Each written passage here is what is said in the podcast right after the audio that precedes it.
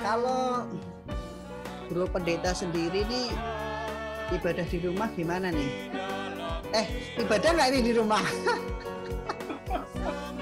Ibadah dong.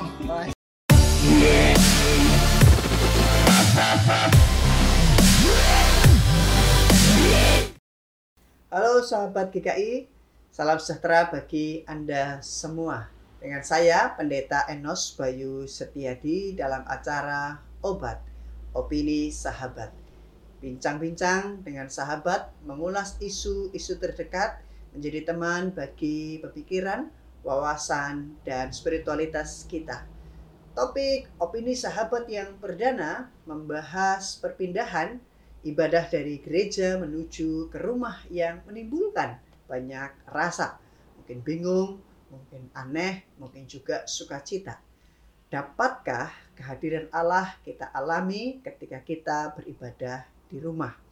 Bersama dengan saya ada Pendeta Daniel Kagunawan dari GKI Coyudan. Halo bro, Halo, halo, apa kabar? halo sahabat. Halo sahabatku, baik-baikan di sana. Sehat bro? Sehat-sehat, puji Tuhan, Alhamdulillah. Di rumah atau di mana ini? Di rumah, di rumah, di rumah aja. Oke. Sendiri atau sama siapa bro? Sama Dogi nih di bawah, Oh, iya. setia, setia menemani. Oke, semoga rukun-rukun ya. Iya, anak berbuluku, anak yang tunggal. Asalkan tidak dikorbankan ya. Gimana? Aman-aman di sana, Masaran. Zona merah sih, Zona merah ya. tapi ya aman masih terkendali semuanya karena ada di rumah begitu. Nah, eh, ini karena konten perdana nih ya, kita mau bahas satu topik eh, ibadah dari gereja eh, pindah ke rumah. Eh, sudah dua bulan ini kan kita eh, mengalami perubahan yang sangat drastis yang tadinya kita ibadah di gedung gereja, tiba-tiba semua harus dirumahkan, di rumah aja, termasuk eh, ibadahnya begitu. Nah, mungkin kan ada berbagai macam rasa, berbagai macam situasi dan sebagainya yang biasanya bisa bersekutu ibadah bareng-bareng dihayati. Nah, kira-kira eh, seperti apa kalau kita ibadah di rumah begitu ya? Kalau Bro Pendeta sendiri nih ibadah di rumah gimana nih? Eh, ibadah nggak ini di rumah? Ibadah dong. Wah, sip, sip, sip, sip. Sama-sama, sama. Ya Gimana? tentu eh, pasti ada perbedaan rasa ya. Pertama pasti beda rasa karena biasanya kan kita eh, datang ke gereja gitu kan, ketemu sama orang-orang. Sekarang harus di rumah, eh, setting alat gitu kan, setting eh, YouTube-nya dulu, terus kemudian sambungin ke TV kalau mau agak lebih besar layarnya. Yang pasti kalau saya pribadi yang mengalami itu di awal-awal ibadah uh, perdana secara online ada satu uh, apa ya sensasi yang berbeda Droenos. Hmm. Jadi kayak rasa sedih juga gitu ya, ya ampun harus ibadah uh, di rumah begitu. Uh, lalu kemudian ada perasaan-perasaan apa ya melo-melo yang Hmm. ya aduh betapa berharga sekali ya ketika harus beribadah bersama di gereja sekarang di rumah uh, kemudian mesti belajar lagi uh, menyesuaikan diri kondisi gitu kan Hmm. Uh, dari untungnya di kalau kalau di Coyudan itu uh, tim ibadahnya atau tim streamingnya itu sudah memberikan pengarahan di awal ya jadi jadi kita bela- kita mengajak jemaat untuk mengkondisikan meskipun di rumah tapi harus mandi jangan jangan bangun tidur langsung langsung setel apa namanya uh, YouTube gitu ya tapi nggak harus mandi harus pakai pakaian yang yang yang rapi Oh, jadi ke persiapan gitu ya. Sama seperti Iya, ke iya. gereja, jadi persiapan segala macamnya Iya. gitu ya. Betul betul. Jadi jadi kita kita menjaga itu, mengkondisikan bahwa meskipun di, di rumah tapi harus ada satu sikap yang siap begitu. Hmm. Dan bersyukurnya beberapa ya dari dari dari laporan-laporan foto-foto WA gitu ya karena kami tidak tidak menyuruh mereka berfoto sih cuma ada beberapa yang yang foto keluarga dan dan dan mengupload di uh, eh, WA story atau di Insta story. Yeah. Ya bersyukur mereka mereka siap gitu ya lalu juga uh, harus belajar lagi ngasih persembahan secara secara apa namanya Online, digital gitu ya. Digital. Iya dulu dulu waktu belum ada kiris kan mesti mesti buka uh, apa Ampel. online banking, masukin rekeningnya gitu, ya. oh, Sekarang kan iya, tinggal iya. segala macam. Pasti ada perubahan di situ dari yang berkumpul menjadi menjadi online dan lama-lama jadi terbiasa juga sih. Apalagi sebagai pendeta ya, kadang uh, mungkin juga ikut merasakan biasanya kalau kita ada di mimbar nih, berdiri di mimbar, biasanya kan ngelihat nih, jemaat si A duduknya di sini, jemaat si B duduknya di sini, yang selalu ada di situ, tiba-tiba ketika kita ngelihat di layar begitu, nggak ada pemandangan, pemandangan jemaat-jemaat dan sebagainya. Lalu Iya, betul. Dan dan harus belajar kan, harus belajar untuk uh, berkhotbah depan kamera, lalu uh, dan itu nggak itu nggak mudah ya. Kita kita yeah. kayak harus belajar kayak misalkan khotbah itu kalau bisa jangan lihat teks terus. Jadi kalau bisa lihat kamera, itu pun juga juga harus harus kita pelajari gitu. Bahkan yeah. bahkan akhirnya ada uh, apa namanya kita siasati dengan kita ketik uh, poin-poin khotbah di slide lalu ditampilkan di depan monitor kita. Jadi seolah-olah kita uh, hafal khotbah kita, seolah-olah kita kayak menyapa jemaat. Itu pun juga juga mesti dipersiapkan. Hmm. Lalu kemudian uh, dari apa namanya uh, belum lagi masalah-masalah pembinaan online kan yang sehari-hari harus belajar edit video, harus belajar uh, syuting sendiri dan segala macam. Dan semua juga dipaksa mengikuti keadaan ya Bu Renos ya. Beberapa ya. jemaat yang yang nggak bisa Zoom, nggak bisa buka YouTube, uh, harus juga belajar begitu. Yang jelas ini menjadi sebuah perubahan bersama sih. Iya. Nah, mungkin uh, juga merasakan uh, seperti kalau ibadah di rumah kebetulan yang khotbah kita sendiri begitu ya dengerin kita khotbah lalu pas berkat begitu kita menerima berkat sendiri itu ngerasain sesuatu yang berbeda nggak? Iya iya iya iya iya uh, uh, kalau kalau di di kami sih uh, kami live streaming ya hmm. tidak tidak rekaman. Oh iya iya jadi beda ya. Iya jadi kami memang memang memutuskan untuk kita live streaming supaya seolah-olah secara bersama-sama di jam yang sama kita hmm. beribadah. Ya, ya, ya itu, karena itu streaming oleh oleh oleh tim streaming. Hmm. Meskipun ada beberapa kali rekaman juga sih, terpaksa rekaman satu dua dua ibadah lah gitu ya, ya. Tapi kami menjaga supaya live streaming supaya betul-betul uh, semua merasakan uh, apa ya kita percaya ada satu uh, aura. Ini pakai bahasa mistik ya. Jadi kayak kayak kayak ada aura bersama-sama, ibadah yeah. bersama-sama. Gitu kira-kira, Bro Enos. Ya kalau kalau aku karena biasanya ini ya uh, rekaman ada sesuatu yang positif sih. Uh, kadang ya. saya sendiri sebagai pelayan itu bisa melihat oh selama ini nih gini loh saya kalau melayani ya, betul, begitu. Betul. Uh, termasuk betul uh, ternyata saya juga bisa menerima berkat yang uh, diucapkan oleh saya sendiri. Meskipun sebenarnya berkatnya kan dari Tuhan tapi kan ya, diucapkan ya, ya. oleh saya sendiri saya yang menerima. Nah, itu ada momen-momen yang kayaknya asik juga begitu. Yang selama ini rindu dengerin khotbah orang lain sekarang uh, cukup punya banyak waktu untuk dikhotbahi dan kita nggak bisa kita nggak bisa mengulang uh, ilustrasi yang sama kan? Kita nggak bisa kalimat yang sama kan? Oh, dulu kan bisa ya kita kita mengulang bagian yang sama karena kan berbeda orang. Sekarang kan tersimpan di jejak digital. Jadi yeah. kalau kita oh dulu ini dipakai nih. Nggak pernah nih gitu ya. Itu juga maksa maksa saya gitu ya ataupun para pengkhotbah untuk terus kreatif uh, menyusun khotbah-khotbah yang berbeda. Ya, bagus juga sih saya pikir buat buat kondisi uh, para pendeta ya, lalu gini bro, sempat oh. apa kepikiran juga kan bagaimana jemaat ini bisa menikmati, mengalami kehadiran Tuhan melalui ibadah di rumah, lalu juga mengaitkan dengan ini loh bukunya Gary Thomas yang Second Pathway itu sembilan jalan spiritual gitu kan.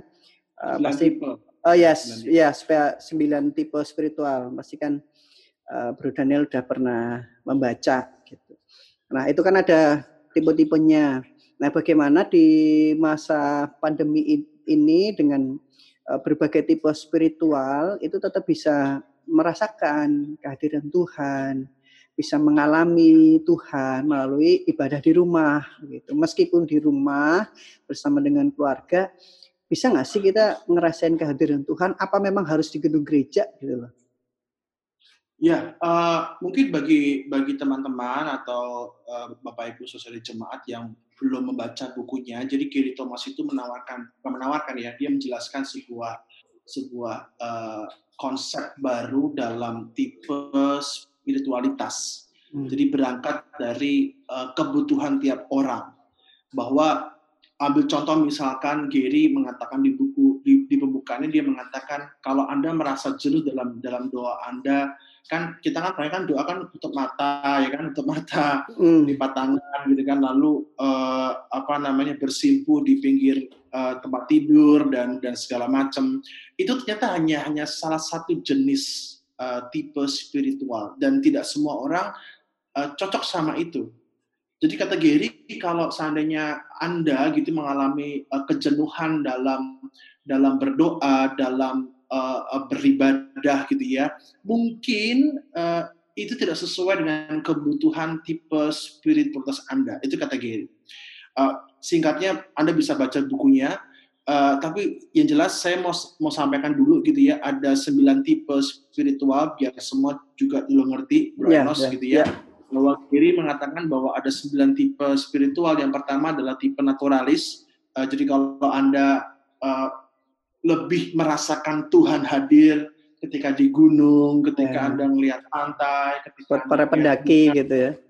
Para petualang gitu ya Anda melihat uh, awan biru yang cerah gitu kan itu itu itu berarti mungkin Anda tipe naturalis gitu. Tapi kalau seandainya yang kedua adalah tipe indrawi kalau Anda suka dengan dengan apa namanya bunyi-bunyian lonceng gereja misalkan atau uh, Anda suka dengan mencium-cium wangian-wangian gitu ya. Biasanya ini ada di rekan-rekan uh, teman kita ortodoks ya atau katolik ya yang ada dupa begitu dupa harum itu sebagai sebagai persembahan buat Tuhan tuh kalau anda merasa wah kok rasanya kok ini ya holy ya uh, hmm. kudus gitu ya itu mungkin anda tipe indrawi tapi ada ada tiga, yang ketiga tipe uh, tradisionalis. Ini adalah tipe di mana Anda terbiasa atau Anda cocok dengan segala macam bentuk simbolis. Dan GKI khususnya itu lebih banyak uh, menganut pada tipe tradisionalis ini. Yeah. Seperti warna liturgis, lilin gitu ya. Lalu ada meja altar, uh, warna liturgis gitu ya, uh, toga pendeta dan segala macam. Itu tipe tradisionalis. Uh, lalu ada tipe uh, askese lebih kepada apa namanya kontemplatif segala macam. Lalu ada tipe aktivis. Kalau anda merasa sosial sosial gitu ya?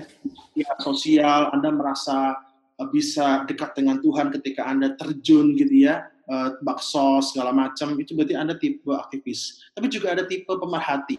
Ini tipe yang yang anda suka berkunjung, ya. Anda suka uh, doa orang sakit gitu itu itu tipe anda lalu ada tipe antusias ini biasa kita temukan dalam teman-teman gereja karismatik gitu ya yang yang musiknya uh, semangat energik lalu juga ada tipe kontemplatif uh, uh, kayak TIC begitu lalu ada tipe intelektual ini biasanya tipe-tipe uh, yang suka belajar buku teologi, doktrin, uh, dogma dan segala macam. Para penafsir nah, kali ya. Ya begitu kira-kira. jadi jadi uh, sembilan tipe ini itu itu ada dalam dalam diri seseorang. Bisa jadi dalam diri seseorang itu bisa dapat dua atau tiga tipe, tapi hmm. pasti ada yang dominan begitu. Nah uh, perubahan ibadah online, ibadah dari yang di gereja ke online itu lebih uh, lebih berdampak dari teori Gary Thomas ini ya, itu kepada tipe uh, tradisionalis, indrawi, dan tipe kontemplatif menurut saya. Hmm. Atau juga tipe antusias kalau seandainya merujuk pada teman-teman yang karismatik ini ya. Yeah. Karena mereka di rumah, ya kan. Hmm. Uh, mereka mau tepuk tangan sendiri ya mungkin kalau sama keluarga mungkin oke okay, gitu ya. Bisa. Tapi kalau sendiri rasanya gimana gitu. Lalu kemudian tipe tradisional tipe tradisionalis yang biasanya ngelihat ngeliat altar, ngeliat mimbar gitu yang ngeliat lilin, sekarang cuma layar monitor. Nah, saya pikir saya pikir itu itu berdampak, tapi bukan berarti kemudian tidak bisa membuat mereka beribadah. Iya. Apalagi kalau layarnya mereka, kecil ya. Kalau layarnya di TV masih mendingan gitu kan. Iya, iya. Mereka bisa beribadah, tapi mungkin ada sesuatu yang yang apa ya tidak memenuhi kebutuhan uh, tipe-tipe ini. Hmm. Begitu Branos kalau merujuk pada uh, tipe spiritualitasnya Sri Giri Thomas. Lalu gimana nih kalau misalnya ada ada situasi yang seperti itu tuh uh, memang sangat terganggu kan ada perubahan ini. Oh berarti nah, saya sama sama sekali nggak bisa ini dong. Saya sama sekali nggak bisa ibadah dong kalau harus lewat layar seperti ini atau gimana nih kira-kira? Bukan bukan berarti nggak bisa beribadah. Mereka bisa beribadah. Mm -hmm. Artinya uh, mereka bisa mengikuti ibadah tapi kayak kurang pas aja gitu. Mm -hmm. Kayak kurang rasa. Oh kayak kurang rasa apa ya puas gitu ya kayak kayak kurang rasa terpenuhi uh, hasratnya kebutuhannya nah uh, hal ini mungkin nggak eh hal ini mungkin nggak nggak terjadi pada orang yang belum kenal tipenya hmm. tapi kalau orang yang udah udah kenal tipenya dia tahu nih wah kayak saya nggak nggak nggak nggak apa nggak nggak terpuaskan nih kebutuhannya jadi jadi uh, saran saya adalah yang pertama anda mungkin bisa hubungin Bro Enos untuk diajari atau atau dites aku tipe yang mana nih. Tapi kalau tadi yang saya jelaskan dan Anda merasa oh ini ini aku banget nih, mungkin itu tipe Anda. Nah, uh, yang kedua adalah kalau Anda sudah tahu tipe Anda seperti apa, itu akan mudah cara memenuhi kebutuhan Anda. Saya pribadi, tipe saya adalah tipe naturalis, uh, tradisionalis uh, Indrawi juga ada sih dan juga uh, antusias juga dikit sih sama kompetitif. Jadi saya saya saya ada ada ada empat tipe kalau nggak salah yang yang rada rada banyak di dalam diri saya. Nah ketika saya tahu nih bahwa saya butuh ini ini ini maka maka uh, akan mempermudah buat saya mencari atau mengkondisikan ibadah hmm. yang seperti yang saya butuhkan. Misalnya ketika ibadah online saya akan cari tempat di ruang ini gitu ya karena saya dekat dengan dengan alam begitu. Bisa lihat langit di situ. Lalu saya juga di sini juga saya saya siapkan kayak gambar-gambar icon Kristus gitu ya. Hmm. lalu anda juga bisa nambah dengan uh, lilin kalau anda mau di di dekat jika uh, apa namanya HP atau atau atau TV Anda, Anda juga bisa karena saya indrawi, saya butuh penciuman yang kira-kira yang kira-kira membantu saya akhirnya pakai aromaterapi. Hmm. Dan ini ini membantu sekali untuk wah apa ya menata altar. Jadi sebenarnya uh, menciptakan sendiri ya sesuai betul, dengan betul, tipe spiritualitas betul, itu kan? Betul betul. Kalau kalau kalau anda sudah kenal tipe anda seperti apa itu kan mudah buat kita buat menyusun apa ya mempersiapkan uh, uh, holy room atau ya apa, apa ruang kudus di rumah anda begitu dan itu itu itu perlu perlu sekali untuk mengondisikan diri bahwa uh, kita beribadah di rumah Tuhan.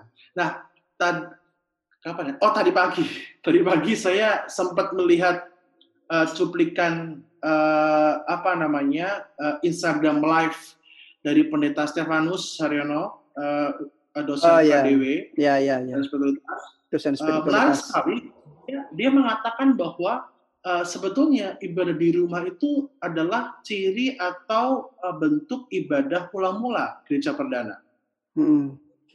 Jadi dari rumah kemudian dibawa ke gedung gereja. Nah, uh, yang menarik adalah dia bilang begini, dari Allah yang hadir di meja makan kita, dari Allah yang menjamu kita di rumah, kita kemudian berpindah untuk menuju Allah di gedung gereja. Dan sekarang kita kembali ke rumah dan Allah berada di rumah sama kita. Jadi jadi saya pikir ini makna yang baik sih Hmm. bahwa beribadah di rumah bukan berarti eh, Allah nggak ada di rumah kita. Allah ada di rumah. Hmm. Jadi Ah. poin pentingnya sebenarnya eh, Allah Maha Hadir ada di mana pun, termasuk di rumah kita. Nah, lalu bagaimana kita menciptakan suasana, kondisi pribadi maupun eh, yang lain membantu supaya ibadah kita itu eh, mengalami kehadiran Tuhan. Maksudnya begitu kan? Eh, mungkin saya lebih lebih suka dengan kalimat ketika kita sadar bahwa Allah ada di rumah kita, bagaimana kita menghormati Allah itu Hmm, ya ya ya.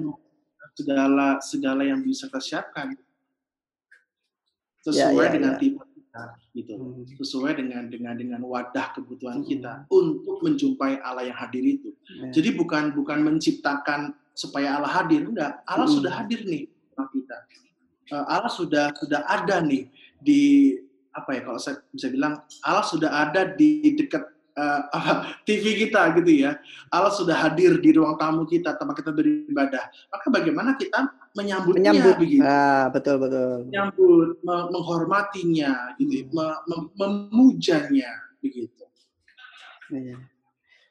Dan itu yang perlu dipersiapkan kan? Iya ya maksudnya. Iya. Iya, oke. Iya, iya. Jadi eh di mana pun kita berada, termasuk kita di rumah, ya kita bisa merasakan kehadiran Tuhan, ya.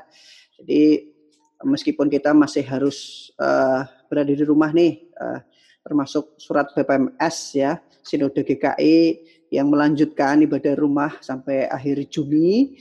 Ya, belum tahu nanti selanjutnya seperti apa. Ya, maka mari kita lanjutkan ibadah di rumah dengan tetap semangat, sukacita, mempersiapkan segala sesuatunya sehingga kehadiran Tuhan itu benar-benar kita sambut ya.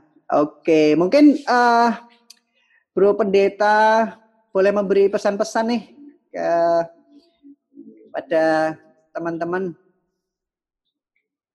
pesan-pesannya yang pertama tentu stay healthy teman-teman jaga kesehatan jaga imunitas tubuh gitu ya Eh, juga jaga hati dengan cara apa ya memaknai menghayati bahwa Allah itu ada di rumah kita Eh, maka siapkanlah diri kita untuk menghormatinya untuk menyambutnya lalu yang terakhir adalah eh, cobalah belajar untuk mengenali tipe spirit Anda Spiritualitas. seperti apa. Itu itu akan membantu kita sekali untuk untuk memenuhi kebutuhan kita.